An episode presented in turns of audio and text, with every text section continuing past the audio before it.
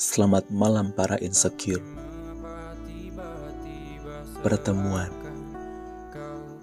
Kau harus menerima bahwa kau dikalahkan oleh cinta yang sekarang.